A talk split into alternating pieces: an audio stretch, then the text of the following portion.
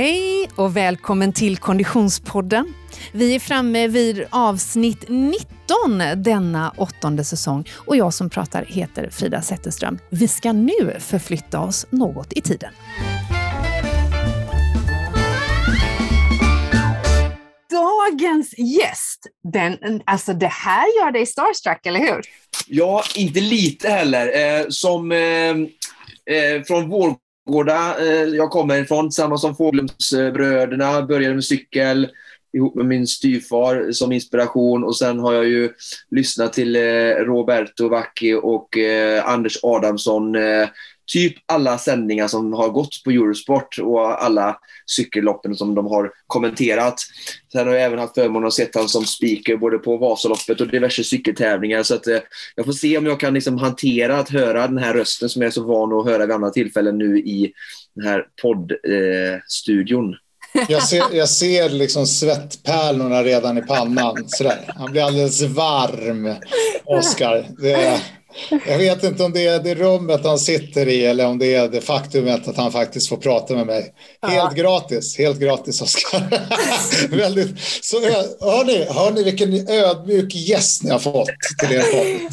Otroligt. Ja, det är härligt. Välkommen till Konditionspodden Roberto Vacchi. Tack så mycket. Var befinner du dig när vi ansluter med länk här? Jag är i Bålänge. Jag bor på två olika ställen. Jag bor i Bålänge halvtid eh, och sen bor jag i Katrineholm halvtid. Så nu är det Bålänge, Bålängehemmet.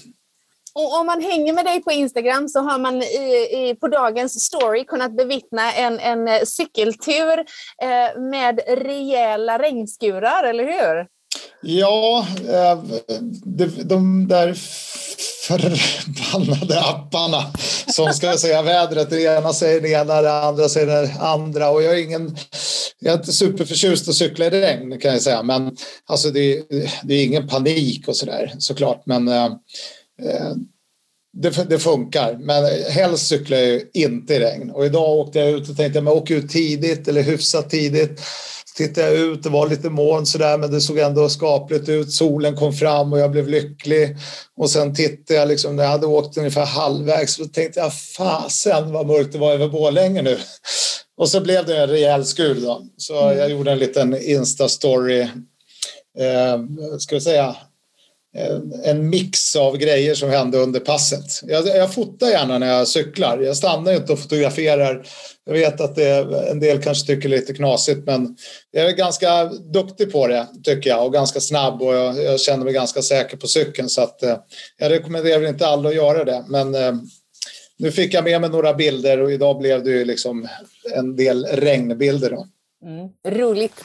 Eh, för eh, precis som Oskar eh, eh, sa i sitt, eh, eh, sin fan-intro här då så är vi vana att höra dig som kommentator och rollen som att rapportera, det gör du ju inte bara på ditt eget Instagram. Men mm, som Konditionspodden-lyssnare så kanske man funderar på hur mycket cykling och hur mycket träning blir det för Roberto Vacchi själv nowadays?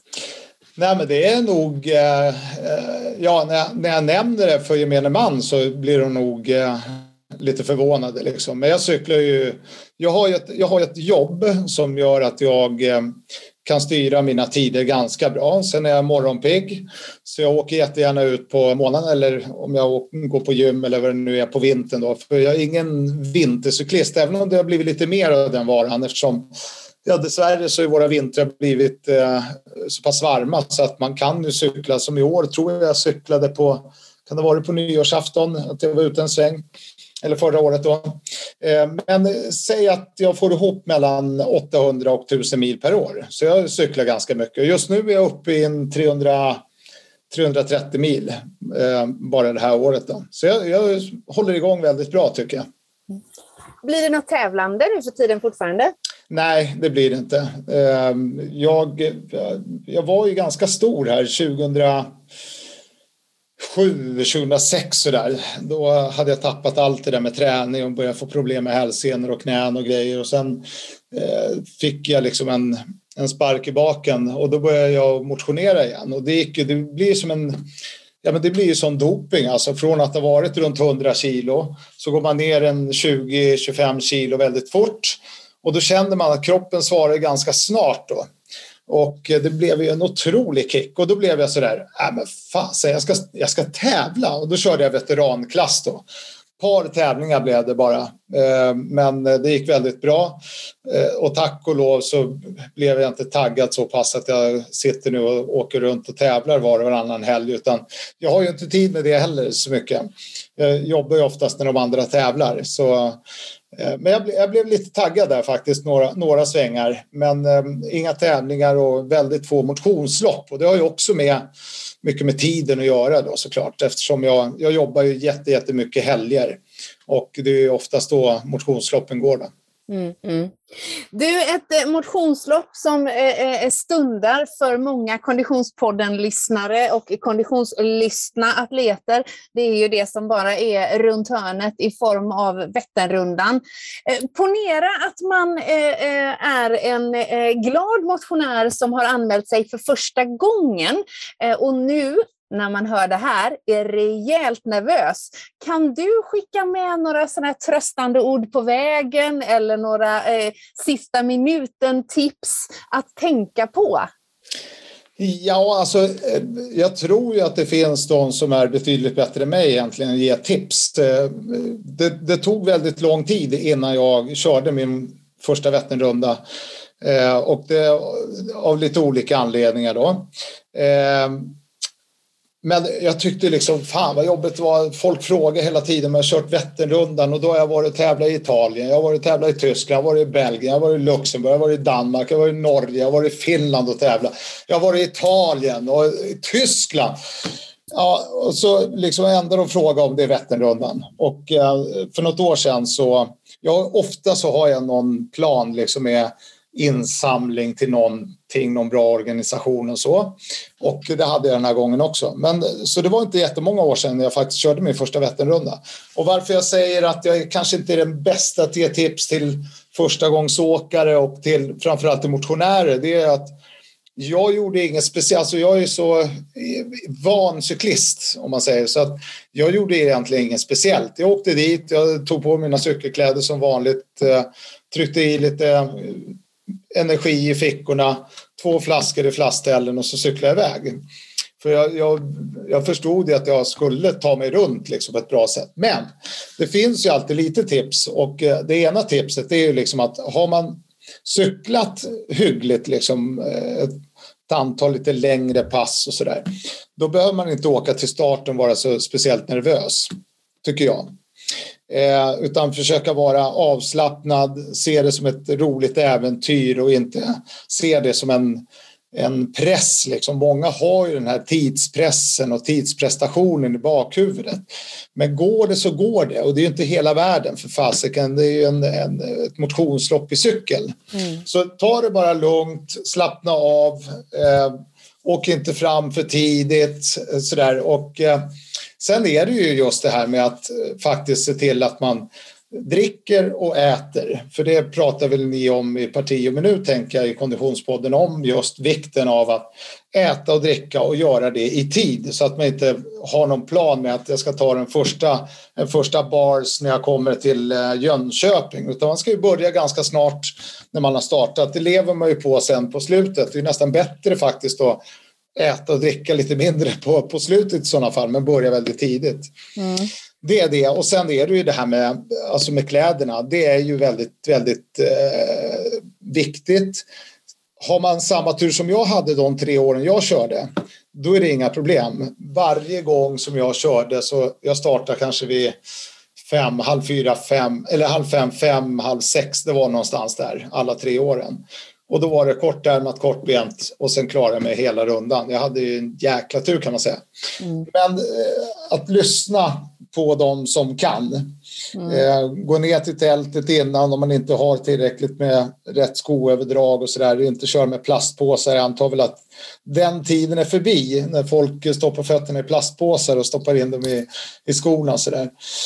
Men annars, jag, jag tycker ju att även om ni har ett tidsmål låt inte det liksom vara det som ligger och gnager i bakhuvudet hela, hela tiden, utan njut av upplevelsen. Kör ni på åtta timmar istället för 7.53 så är det inte hela världen. Mm. Och eh, två dagar efter när jag cyklat det där så det är inte så många som bryr sig om du klarade av det där tidsmålet eller inte. Så njut istället. Njut av cyklingen, se dig omkring och var koncentrerad, speciellt om man åker i en grupp då, tillsammans med andra. Mm. Hålla liksom fokus på sitt cyklande och inte lägga över ansvaret på alla andra. Mm. Ha koll på vägen, ha koll på, på de framförvarande cyklisterna. Det är, det är mina råd Eh, påfallande eh, likartade råd eh, eh, som man som motionär får höra första gången inför Vasaloppet måste jag säga. Ja, okay. Eh, eh, både naturligtvis med att eh, disponera nutrition och, och, och, mm. och, inte vänta för länge, men också att njuta av omgivningen. För det är klart mm. att det är ju en, en, en geografisk upplevelse naturligtvis. Mm. Eh, Oskar, jag tänker att vi ska passa på att, att ställa eh, samma fråga till Roberto, fast om man då har lite andra ambitioner, eller vad säger du? Ja, precis. Eh, jag, är, jag, ska inte vara med och bidra och åka så fort, utan jag ska försöka åka så snålt som möjligt i tanken. Jag vet inte om han, så sakta som möjligt. Jag har ju åkt runt den här pölen många gånger, men då som mm. en typ av form av hjälpryttare till de här olika soppgrupperna. då har ju planen varit att eh, ta så mycket vind eh, som möjligt. Nu är ju tanken tvärtom då. Mm, mm. Oskar, Vad skönt, du... det, låter som, det låter som hela min karriär ungefär. jag, hade, jag hade nämligen en äh, tränare som, äh, jag gillade det han sa, för då behövde man inte ta i lika mycket som alla andra. Spar, spar, spar, den som spar han har. Det var hans filosofi och den anammade jag ganska bra kan jag säga. Mm. En, en primär anledning till att eh, eh, Oskars inställning eh, eh, till loppet just den här gången är på det sättet är ju för att eh, eh Vätternrundan inleder eh, rekordförsöket i en svensk klassiker, eller en svensk superklassiker då, där mm. samtliga grenar ska avverkas i ett svep med helikopteråkning emellan. men skämt åsido, vi har ju en hel del Konditionspodden-lyssnare som har cyklat Vätternrundan många gånger och som har höga ambitioner med sin, sitt ut utövande. Eh, naturligtvis blir ju råden lite annorlunda då, eh, Roberto. Det handlar inte lika, riktigt lika mycket om att ta det lugnt och njuta av omgivningen. Nej, alltså det är klart att det, det, finns ju eh, ganska många grupper egentligen. För, för, det spelar ju egentligen ingen roll om du är en grupp som ska köra på 6.45 eller 9.40. Så är det ju liksom för de grupperna eller för de cyklisterna i de här respektive grupperna så är det ju, handlar det om liksom en prestation då, de är ute efter. Så att, eh, men där är, jag vet hur det ser ut idag. De flesta har ju tränat ihop länge. Jag försökte själv slänga mig in i en grupp som inte åkte jättefort, men jag blev utskälld och utkastad ur gruppen när jag körde en gång. Så de är väldigt noga med att ha sina positioner och så vidare. Mm. Men det är samma sak där, eh, att man liksom Ja, men alltså, att man litar på varandra så att säga och att man lär känna varandra. Någon kanske vinglar lite mer än, än de andra. Någon vet man kanske skjuter tillbaka cykeln lite mer än de andra när man ställer sig upp. Alltså att man lär sig rör, alltså rörelsen i gruppen, att man lär sig dynamiken i gruppen. Det är ju jätteviktigt och det är, väl, det är ju därför de också tränar ihop och eh, samlas inför Vätternrundan ganska många gånger under våren. För att det ska bli en så smidig runda som möjligt. Då. Mm. Men eh, som sagt, där är, tar det också eh, lite lugnt i början. Det är många, jag, jag har kört några motionslopp där det är folk som är ja, men de blir ju taggade, de blir ju heta liksom och kör väldigt, väldigt hårt första fem sex milen och sen mm. så kanske man inte ser dem så mycket mer. Så att ta det lite långt vet man också att man kanske är den starkaste länken, dra lite längre om man nu kör den typen av växeldragningar. Eh, och är det så att man är den svagare länken, tänk på det då att man liksom eh, att man hushåller med krafterna så att man är med hela vägen runt. Då. Det är ju mycket mm. roligare. Jag ska flika in där lite för att det kan spinna vidare på det lite. Om vi har några subgrupper som lyssnar på detta. Eh, jag fick ju uppleva precis det här som Roberto pratar om nu i helgen. Jag hade förmånen att eh, cykla med Tommy Prim bland annat, som du säkert känner till såklart. Men det var ju de här mustasch-teamen då som jag kom att cykla med och vi hade en sån gemensam genomkörare. Vi körde och snittade 40 10 mil, en ganska trixig runda och 39,3 såg jag faktiskt på Facebook. Bra! Du ser, mm. kolla vilken koll du har. Så tar det lite eh, långt här nu med 40 ja, snitt. Ja, det var helt rätt.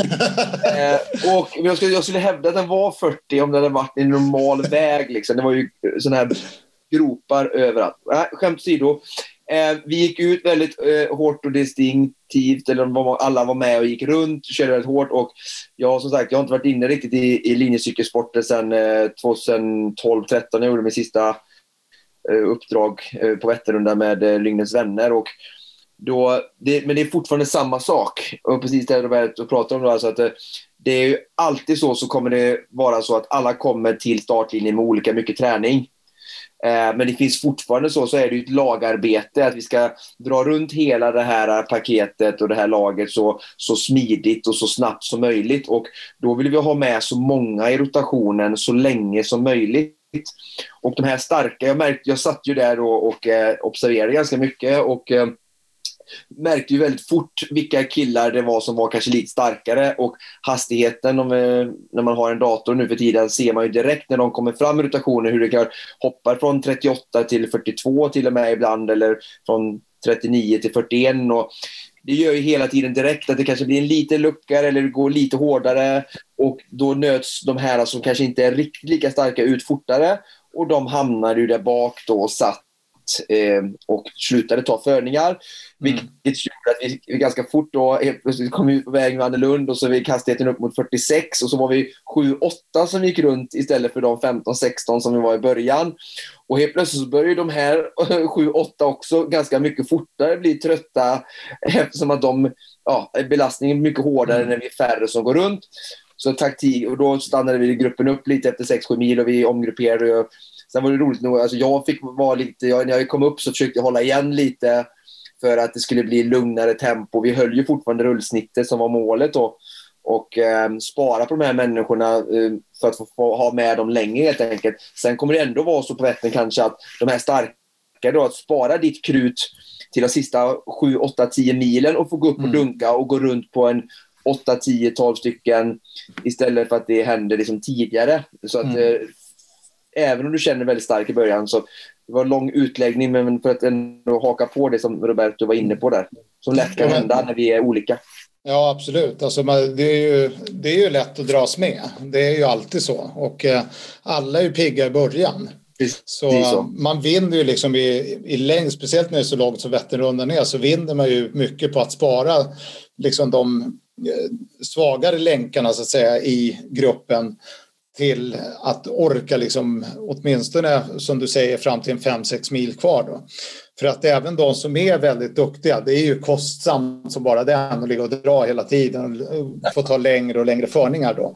Så till slut så mattas ju också de väldigt mycket av då. Så att det, det är ju också ett, liksom en, en skola just det här med, och jag, det, det har jag faktiskt försökt någon gång när jag cyklar med folk, att lära dem att är du, man märker ju ganska snart vilka det är som är bra, eller så vet man det innan. Och att gå från 38 till 42 så i ett nafs, det är ju verkligen inte till gruppens fördel. Utan är du bättre och vill dra upp tempot till 42, låt det ta en liten stund då. Öka successivt tempot så att inte det blir de här luckorna som du säger. För en liten lucka men en liten lucka i 40 kilometer i timmen, det kostar på att täppa den. Och så blir det oro i, i gänget då. Så att, äh, det där är jätte, jätteviktigt. Alltså, att man verkligen... underskatta den. De starka då ska vi också veta om att de skapar den här lite negativa mentala eh, upplevelsen hos de som inte riktigt kommit snart in med samma med krut i benen men som ändå är där och kan ändå tillföra mm. ganska mycket till laget som helhet. Att de får ju liksom en negativ affirmation ganska tidigt att jag räcker inte till, jag är inte tillräckligt bra. Liksom. Mm. Och det skapar också, vet man också, liksom, man pratar om OS och olika procent och vinna komma åtta eller vinna OS-guld. Liksom, det här mentala, liksom, positiva hela tiden som man som idrottare, vare sig som motionär eller på högsta mm. nivån, hela tiden behöver arbeta med. Och vi är så himla glada att vi har med oss en, en eh, återbesök när det gäller eh, poddkompisar, eller hur Oskar? Mm. På tal om mätningar och tidtagningar. Exakt så. Vi har med oss våran eh, poddpartner Polar genom ett antal avsnitt och framförallt ditt rekordförsök. Vad från Polar kommer du att ha med dig genom rekordförsöket En svensk superklassiker? Jag har ju min trogna Polar Grit X, mm. den multisportsklockan jag har som är, eh, jag sover med och tränar med varje dag med mig trogen på vänster arm. Och sen så kommer jag ha då två stycken olika vet du, mm, pulssensorer. Mm. Eh, en vanlig H10 som jag brukar ha när jag tränar och sen en Verity Sense, just den här som du kan ha på på armen. Eh, så att vi hoppas kunna mäta puls eh, lite bättre när jag simmar, men sen även kunna koppla upp den mot eh, deras team-app. Mm. Så att min förhoppning är att vi ska kunna visa och displaya lite för de som följer oss, eh, puls eh, och även på några av mina eh, med deltagare som, som är med och hjälper mig. Så hoppas kunna displaya det lite och ge lite häftig insyn i hur, hur hårt jag jobbar. Mm. Och om man som Konditionspodden-lyssnare känner kanske ger jag mig inte på ett rekordförsök i en svensk superklassiker, men jag skulle ändå vilja ha koll på min egen puls. Mm. Då har man ju faktiskt möjlighet att investera i en egen Polarklocka eller eh, Polar pulsmätningshjälpmedel under just den rekordhelgen, eller hur? Ja, så häng med oss mm. under och följ oss och se spänningen. Kommer han att klara detta? och samtidigt så har de ju en häftig rabattkod då som kommer vara löpande just under själva helgen och rekordförsöket. Då. Mm, håll utkik på Konditionspoddens sociala medier så kommer våran poddpartner Polar att bjussa på ett riktigt bra erbjudande. Tack för det Polar! Och vi har ju också med oss vår poddpartner Odlow såklart. Eh, du är ju Odlow-kittad. Just i denna dag har du en väldigt snygg väst på dig. Men du kommer att ha Odlow-kläder eh, från topp till tå igenom hela rekordförsöket, eller hur? Eh, I alla fall under rullskidorna och löpningen. Just det. Så som klassiskt vinter... Eh, märke med längdskidåkning och sådär och från Supervasan så har jag ju provat ut eh, sedan tidigare vilka plagg som funkar bra för mig aktiviteterna. Mm. Så att jag kommer ha mina eh, chill eh, eh, tech-tröjor på eh, rullskidor och på löpningen.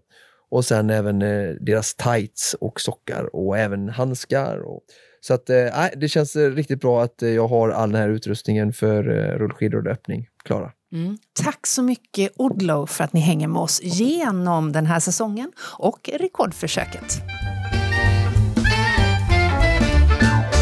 Jag vet att du kommenterar en del skidåkning och, och du mm. har ju kärleken till sporten cykling som jag också. Det är ju, I Vätternrundan är det verkligen påtagligt vilket, vilken team, eh, alltså vilket lagarbete, precis som fotboll eller vilken annan lagsport som helst det faktiskt är. Och, och hur vi har sett den crossover nu även i långloppskuppen som, som jag vet du kommenterar mycket också nu, hur de börjar jobba och anamma och lära sig av, av uh, cykelsporten. Så att cykelsporten är ju ett fantastiskt fint lagarbete.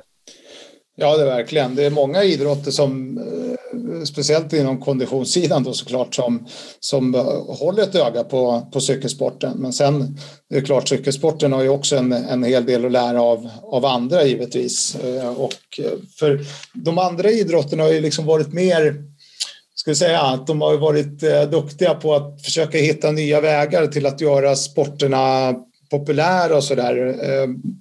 Medan cykelsporten lever ju hela tiden kvar lite grann i, i eh, det gamla då. Alltså det här med Tour de France och Giro d'Italia och sådär. Det ser ju ganska lika ut hela tiden. Det är 21 etapper, det är två eller tre vilodagar och, och så vidare. Men det som är skillnaden det är ju just liksom allting runt omkring cykelsporten då. Ehm, att man kan variera banorna så mycket som man kan göra. Och det finns ju inte lika stora möjligheter, eh, tänker jag, i speciellt i traditionell skidåkning. Man har ju de, de stadion man har och de banor som finns och med tanke på hur, hur det ser ut idag med, med eh, klimatet så det är klart att det blir inte några jättelånga banor de kör utan det blir ju oftast att de får köra mycket kortare slingor liksom, eftersom det inte finns så mycket snö. Då alla gånger. Och så är det lite lättare med produktionen och sådär.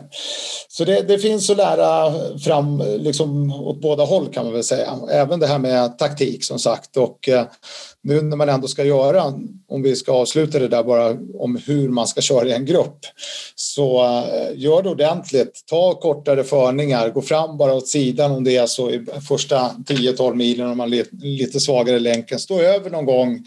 Det är, liksom, det är ingenting att skämmas över att man eh, står över ibland och, och låter de andra dra några svängar och sen går man på det igen. Så kanske man är med hela vägen och kanske med och, och drar under kanske inte hela vägen, men under hela perioden så att säga, under hela rundan. Mm. Ja, det blir eh, onekligen spännande att eh, eh, följa till, till helgen. Men Roberto, de flesta som ska ge sig på Vätternrundan till helgen eller överhuvudtaget är intresserade av cykling, de börjar ju kanske på, på egen hand på landsväg och cyklar i vardagen som en motionsform. Och som del i det så är man ju hela tiden i interaktion med trafik och med andra mm. som är ute på vägarna. Och det där vet jag är att du har ju tillsammans med eh, vår gemensamma partner, eh, i vårt fall vår poddpartner och i ditt fall en samarbetspartner, Craft Sportswear, utvecklat ett projekt som ni är inne på tredje året med Share the Road, eller hur? Mm. Eh, första året eh, så, alltså vi, vi, i år är det Share the Road 2.0 men vi har haft samma i de här tre åren har vi haft samma mål liksom, och det är ju det här med vi, vi ser ju jättegärna att man så småningom kommer att få till en en och en halv meters regel på våra svenska vägar. Och det är ju att man ska hålla ut ordentligt när man kör om cyklist. Ehm, och det där har ju varit ett jättestort problem i många, många, många år. Så nu eh, fick jag chansen tillsammans med Craft här att komma med idéer. Vad tycker du är intressant eh, att ta upp? För jag har hela tiden velat haft någon form av ja, men inte bara ta fram ett cykelplagg utan också ha någon, något projekt liksom kopplat till plaggen. Mm. Och då kom vi fram just till det här en och en halv meters regeln var ju liksom på tapeten och jag tyckte det var en viktig grej liksom att ta upp. Ehm, och då så satsade vi lite grann på det kan man väl säga. Och, och så blev det ju från den här en och en halv meter mer åt share the road, då, hashtaggen som vi använder oss av. Och sen i år då så har jag faktiskt också eh, kopplat till det här eh, sex stycken gyllene regler som jag kommer att hålla mig till. Mm. Och det är absolut ingen pekpinne till någon utan det är eh, liksom som jag eh, som 56-årig eh, man kommit fram till att så här kommer jag vilja ha det. Och det är ju allt från att man ska synas ordentligt. Jag har ju varit väldigt anti sådär att man ska ha så här neonfärgade tröjor. För det skulle ju liksom... Nej, jag tycker inte det är rätt. Men det finns ju andra sätt att synas på då. Det är ju, jag har ju till exempel idag, numera har jag små lampor som jag låter blinka under, som sitter fast på sadelstolpen då, för att folk ska uppmärksamma mig. Och jag har ju märkt faktiskt en ganska stor skillnad från när jag börjat använda dem. Att eh, man håller ut mycket mer, man stannar upp om, om det är lite trafik som kommer. Sen finns det ju alltid de som har bråttom och tycker att man är i vägen och sådär. Och de kan man inte göra så jättemycket åt. Det. Ehm, det är det ena. Sen, ja, det är ju sex stycken olika regler. Försöka hitta små vägar. Det finns ju massvis med härliga vägar runt om i vårt avlånga land. Jag har ju fördelen att bo liksom i ganska små städer Eh, och eh, som idag kanske var fem bilar jag blev omkörd av totalt. Häromdagen var det tre bilar som körde om på hela min 6-7 mila runda. Och det fattar väl jag också att bor man i Göteborg, bor man i Malmö, bor man i Stockholm så har man ju inte samma möjligheter. Men det finns, jag vet speciellt i Stockholm, finns det jättemycket härliga vägar. Håll ner grupperna. Mm. Jag vet att det kanske inte gillas av de som ska köra Vätternrundan som är 20, 30, 40 stycken ute på vägarna och ska trimma ihop sin grupp då. Men jag tycker liksom att det är väl kanske lite säkrare om man är 68 stycken. Så man blir, om man ligger i två par som en bil ungefär, det eh, blir lite lättare att köra om. Man får eh, lite bättre träning helt enkelt tycker jag. Man får ju vara framme i vinden mycket oftare än om man är 20-30 stycken. Eh, och så vidare. Det, det är liksom säkerhetsskäl. Trafikreglerna givetvis, vara mm. så noga som möjligt att följa dem. Ta cykelvägar man vet är bra cykelvägar där det inte går jättemycket folk med hundar eller barnvagnar och sådär. För de måste man ju liksom ha respekt för. De måste ju få hålla sig på gång och cykelvägar. Men då har vi ju chansen faktiskt, speciellt om man inte är speciellt många, att eh, köra på vägen. Eh, idag är det ju tillåtet fast cykelvägen ligger intill. Så jag åker ju sällan in på en cykelväg om jag kommer till en stad eller en ort så åker jag inte in cykelvägen där jag hamnar i villakvarteren eller bland bostadshus utan då åker jag på vägen. Däremot så har vi, speciellt där jag bor, då, ganska många cykelvägar som är träffar nästan aldrig någon. Så mm. de kan man ju använda och det märker jag ju att det gör inte alla.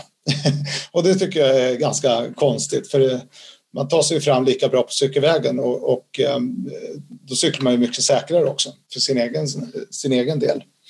Så att det, det, har jag gjort eh, tillsammans med Craft och jag tycker det har fått jättefin respons och, och eh, eh, Craft har också gillat idén. Så att eh, då är det på ärmen, ena ärmen så står det en och en halv meter eh, och sen har jag Six Golden Rules tryckt på, i kragen då, mm. på insidan. Eh, och sen är det ju liksom, ja, men en design som ska försöka sticka ut lite grann. Då. Inte för mycket, men lite annorlunda. Mm, för det, är ju, det har ju resulterat i, i cykelkläder och en, en, mm. en kollektion också som eh, man kan spana in på Cross Sportswear eh, hemsidan eller på mm. webbsidan. Eh, om man, man, söker, man söker på Share the Road, då kommer Precis. de kläderna upp.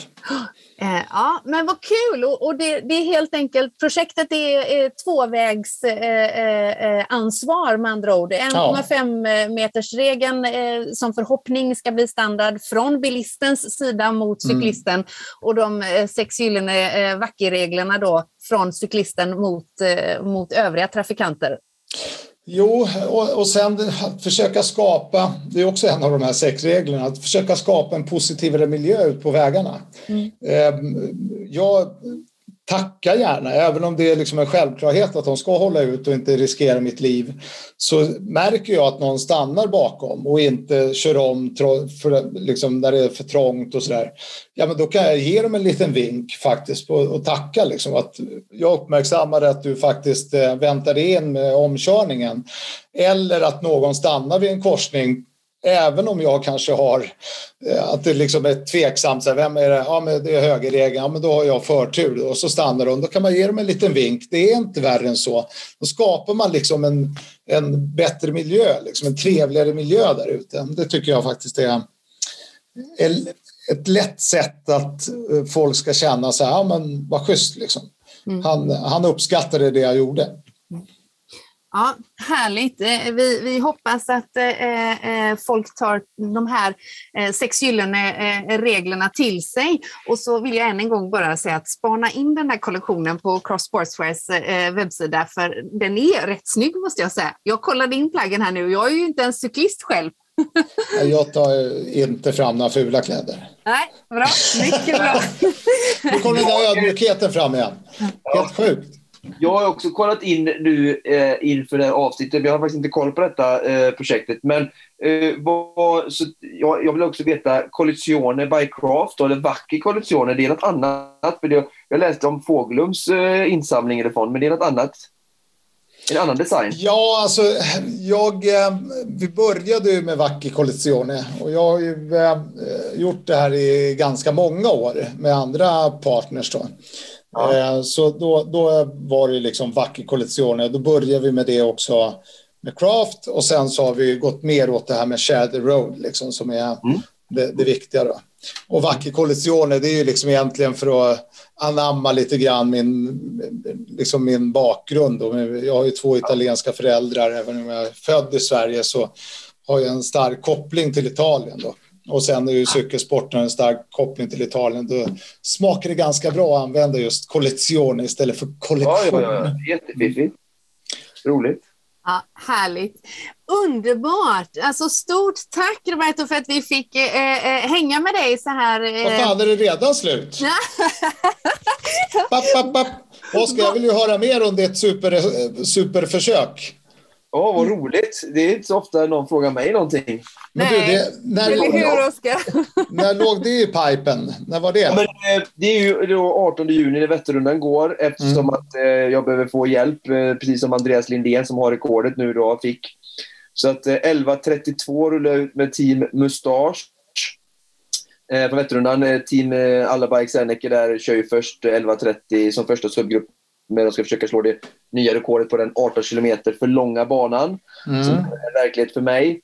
Eh, så den här sub 7-gruppen är ju numera då en su- sub 7-30-grupp då. Så det är den tiden jag har fått förhålla mig till. Och Mm. eh, Mattias som är eh, lagledare ska ju försöka eh, se till att jag hamnar långt bak eh, inbäddad där och att försöka, ja. Jag tycker det är jobbigt, men jag, fick, jag hade förmånen i alla fall att varit med på några träningspass och något läger och sprätt i några backar och visat att jag faktiskt kan cykla både uppför och med näsan i vinden. Så att jag hoppas att jag har earned den respekten att... Eh, jag, jag kommer erkänna att eh, Ted Ås som är en kompis och har cyklat mycket också, han vet att Oskar, jag är rädd att du kommer gå med i rotationen. Han har sagt du måste hålla dig hela vägen och tänka på att ha en lång dag framför dig. Ja. Sen eh, så bär helikoptern mig till Vansbro då för att få geografiskt rätt ordning. Eh, simma i Vansbrosimningen. Eh, har eh, lyckats få till ett till flygtillstånd eller landningstillstånd för att kunna eh, flytta helikoptern till målgången då och slippa åka bil tillbaka till starten. Så att där blir jag upphämtad. Har medsimmare med mig. Eh, kommer vara lite kallare än det brukar vara i juli när Vansbrosimningen eh, Mm. eh, brukar hållas då, eller kommer att hållas i år också. Eh, flyger till eh, Bergaby Eh, för rullskidor där eh, vänner och eh, mina numera teamet jag ingår i på, på längdskidor kommer vänta för att hjälpa mig att ta mig till då, Mora på rullskidor och den är 85 kilometer den sträckningen. Det är bilvägen så att den är lite kortare än själva snövägen. Jag har åkt den förut i något som kallas för Supervasan. Mm. Ehm, Så jag är väl, den känner mig väldigt trygg med den sträckningen med rullskidor. Både, den är väldigt kuperad men ändå ganska snabb eh, och tacksam åt det hållet just för att det är en negativ höjdkurva. Ehm, Så här, Mora är på en lägre punkt än vad Mora är. Mm. Så, eh, det ska nog gå bra. Eh, Jag har lite mer erfarenhet just på, på skidor än vad Andreas hade. Och sen flyger vi från Mora då till Lidingö där jag ska jogga runt Lidingöloppet då. Eh, Mm. Och Vad har du för tidsmål på Lidingöloppet då? Eh, 2.20 har jag som mål. Och det är också så här att alla de här eh, formen av eh, eh, watt och effekt både på rullskidor, simning och löpning är ju sånt som är liksom well in zon 2 för mig. Men så det är ju mycket det här med planering, Mm. hålla uppe stridsvärdet, nutrition, inte frysa och jag har gjort lite sådana här saker förut, eh, men eh, så att, eh, ja, det gäller ju att hela tiden jobba med den saken också. Farten är ju kanske 2.20 på Lidingöloppet, inte så någonting som skrämmer någon. Men, men Andreas sprang på 2.40 när han gjorde sitt rekord då, så att jag hoppas plocka en liten tid där.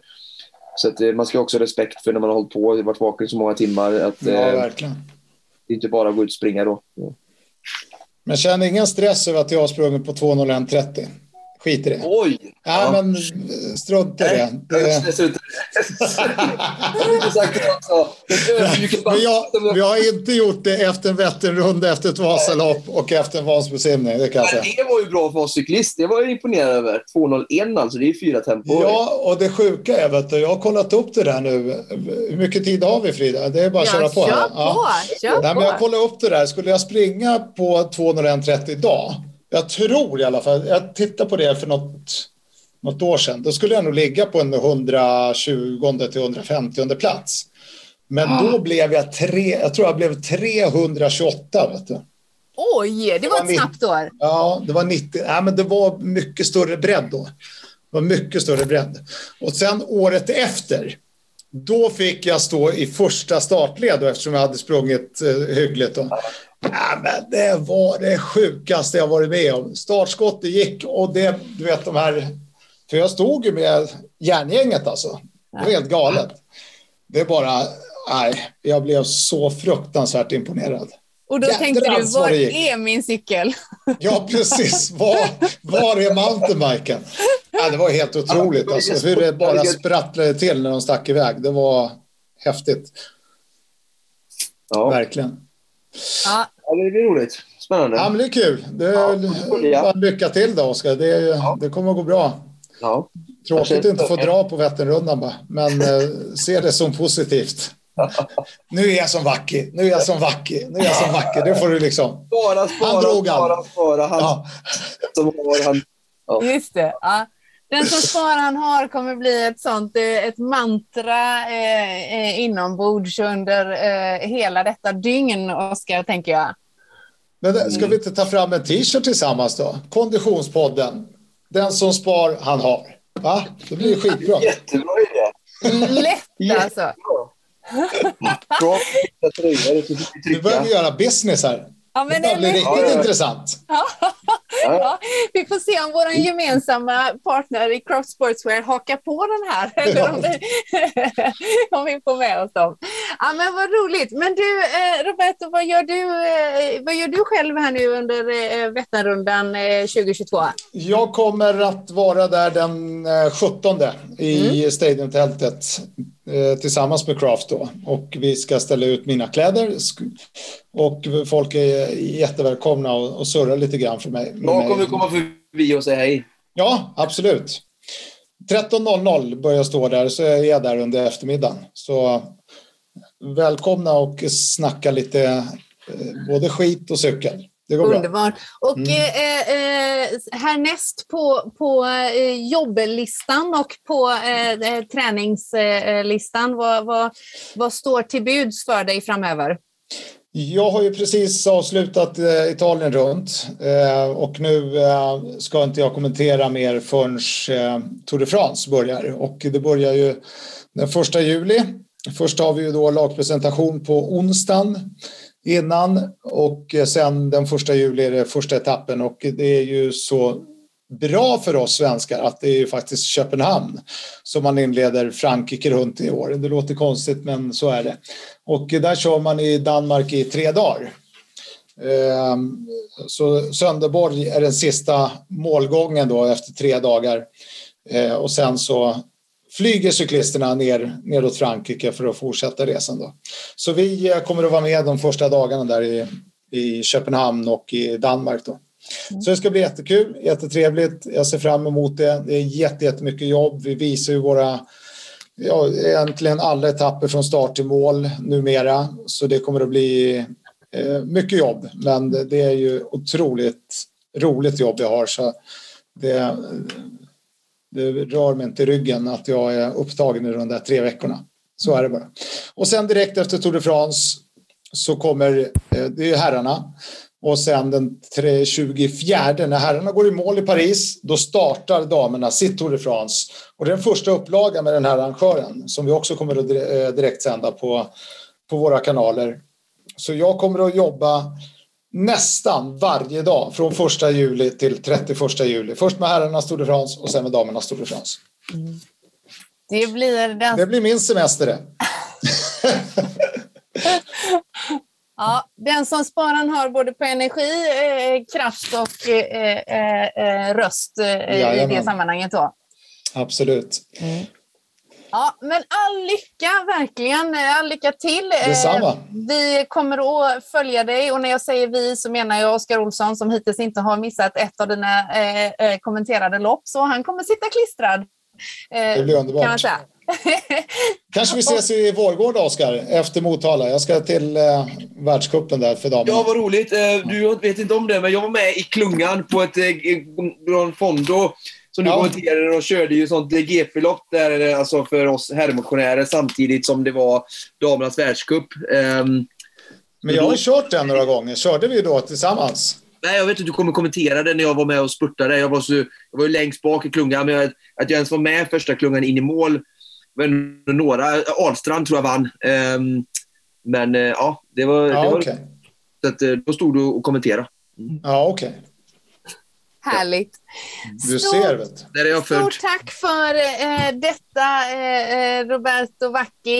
Eh, vi följer de eh, sex gyllene reglerna och eh, eh, sparar Ingen press.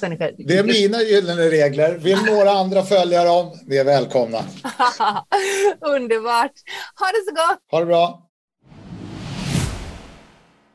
Ja, det är inte utan att han är en eh, inspirerande karaktär, eller hur? Nej, verkligen inte. Tänk vad många häftiga målgångar han har varit med och kommenterat och förgyllt hemma i tv-sofforna. Ja, och vi fick ju honom på länk. Du ska dock få träffa honom live eh, väldigt snart. Mm. För nu har vi förflyttat oss. Eh, vi avslutar ju den här veckans avsnitt med, vad är det, ganska exakt eh, 72 timmar kvar? Ja, precis. 11.32 är en bekant startsiffra. Det är eh, starten på en svensk superklassiker 2022 som står inför dörren. Mm. Och eh, det är som sagt 72 timmar kvar till start. Mm. Och det är mycket förberedelser, eh, eh, mycket som ska planeras. Du det är jag, en underdrift. vi har förflyttat oss till eh, Centrum för hälsa och prestation. För här är det eh, spännande saker i görningen. Ja, verkligen. Jag var ju, var ju här mycket under min egna utbildning på IKI och sen har jag varit, haft förmånen att hänga här mycket med Fredrik och Stefan som vi snart kommer få höra om under olika diverse studier som jag har deltagit i. Mm. Och under den senaste studien som är faktiskt eh, aktivt pågående nu som jag har varit en del i så, så har de ju fått reda på mitt eh, projekt och eh, ja, lite häftiga saker som väntar. Spännande. Mm. För visst är det så, eh, Stefan Pettersson, projektledare eh, docent, eh, idrottsnutrition. Det här är en lång titel. Institutionen för kost och idrottsvetenskap, Centrum för hälsa och prestation. Du hittade Oskar Olsson redan 2016. Ja, det tror jag var den första studien, om jag inte missminner mig, som Oskar var med i. Sen har det blivit några stycken sedan dess. Vi har en, en pool av eh, pålitliga uthållighetsidrottare som vi försöker att använda oss utav. Ja. Och anledningen till att vi har fått kommit hit med eh, mikrofoner och, och, kameror just denna dag är för att eh, det inleds en case study, eller hur? Mm, det stämmer. Det är ju superklassikern som, eh, som Oskar ska göra är ju otroligt spännande att titta på ur många aspekter och då tänker vi oss att vi ska titta lite, ja, lite fysiologiskt vad som sker, eh, men även att vi ska undersöka och titta lite på hans kost och vätskeintag och energiutgifter och andra saker som, som händer under det här dygnet. Du är ju ansvarig för den här studien, men du har ett helt team med dig. Vi kommer att få träffa dina kollegor och medarbetare i ett senare avsnitt längre fram. Men eh, hur, hur, många krävs för att, för att genomföra en sån här studie, Stefan? Ja, eh, vi är väl fem, fem personer som, som har lite olika roller här nu då. Mm. Så att, eh, ja, det är ett mm. tajt gäng. Och, och i, i korta ordalag, vad är det egentligen ni ska undersöka? Ja, som sagt, det är ju, om man ska ta kortversionen så är det väl egentligen kost och vätskeintag under de här, ja, strax under dygnet. Vad är det Oskar stoppa i sig? Vad kommer han få i sig i mängd, till exempel kolhydrater, fett och protein per timme? Eh, vad är det för typ av eh, livsmedel som han stoppar i sig? Hur pass mycket kalorier och energi förbrukar den här aktiviteten? Mm. Och eh, vi kommer också titta på, eftersom det är olika typer av event, det är ju eh, cykel, det är ju eh, rullskidor, löpning, simning, så ska vi titta på också på svettförluster vid varje event och titta lite på det här med mag-tarmsymptom också. Mm. Mm. Och sen eh, eftersom det är en väldigt extrem eh, grej som Oskar gör så ska vi också titta lite på vissa blodmarkörer där man tittar på till exempel muskelskada, hjärt och hjärtmuskelskada. Eh, vi tittar lite på hur Oskars hormonnivåer påverkas av det här dygnet. Mm. Spännande! Och eh, kära Konditionspodden-lyssnare, ni får ju i sedvanlig ordning följa med såklart. Eh, så småningom kommer vi att återkomma till eh, den här studien i ett senare avsnitt. Eh, um, Oskar, eh, vad sa vi? 72 timmar kvar till start, hur känns det?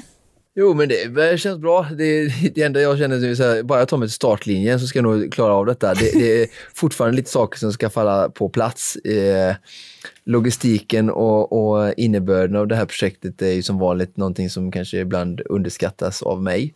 Men eh, nu börjar jag se just tunneln att det här ska nog fasen gå. Mm, det är bara det där med att cykla Vätternrundan och åka ja, Vasaloppet. I sammanhanget så känns det som det lätta just nu faktiskt. Ja, det gör du på en kafferast. Ja, Spännande! Mm. mm. Det, är, det är bara att... Och, och, eh, äta och vila kvar. Det är bara att äta och vila kvar. Underbart! Ja, eh, kära Konditionspodden-lyssnare, ni får som vanligt följa med. Men det här, det var allt vi hade att bjuda på för den här veckans avsnitt. Precis som vanligt produceras Konditionspodden av Fredag. Connect Brands with People.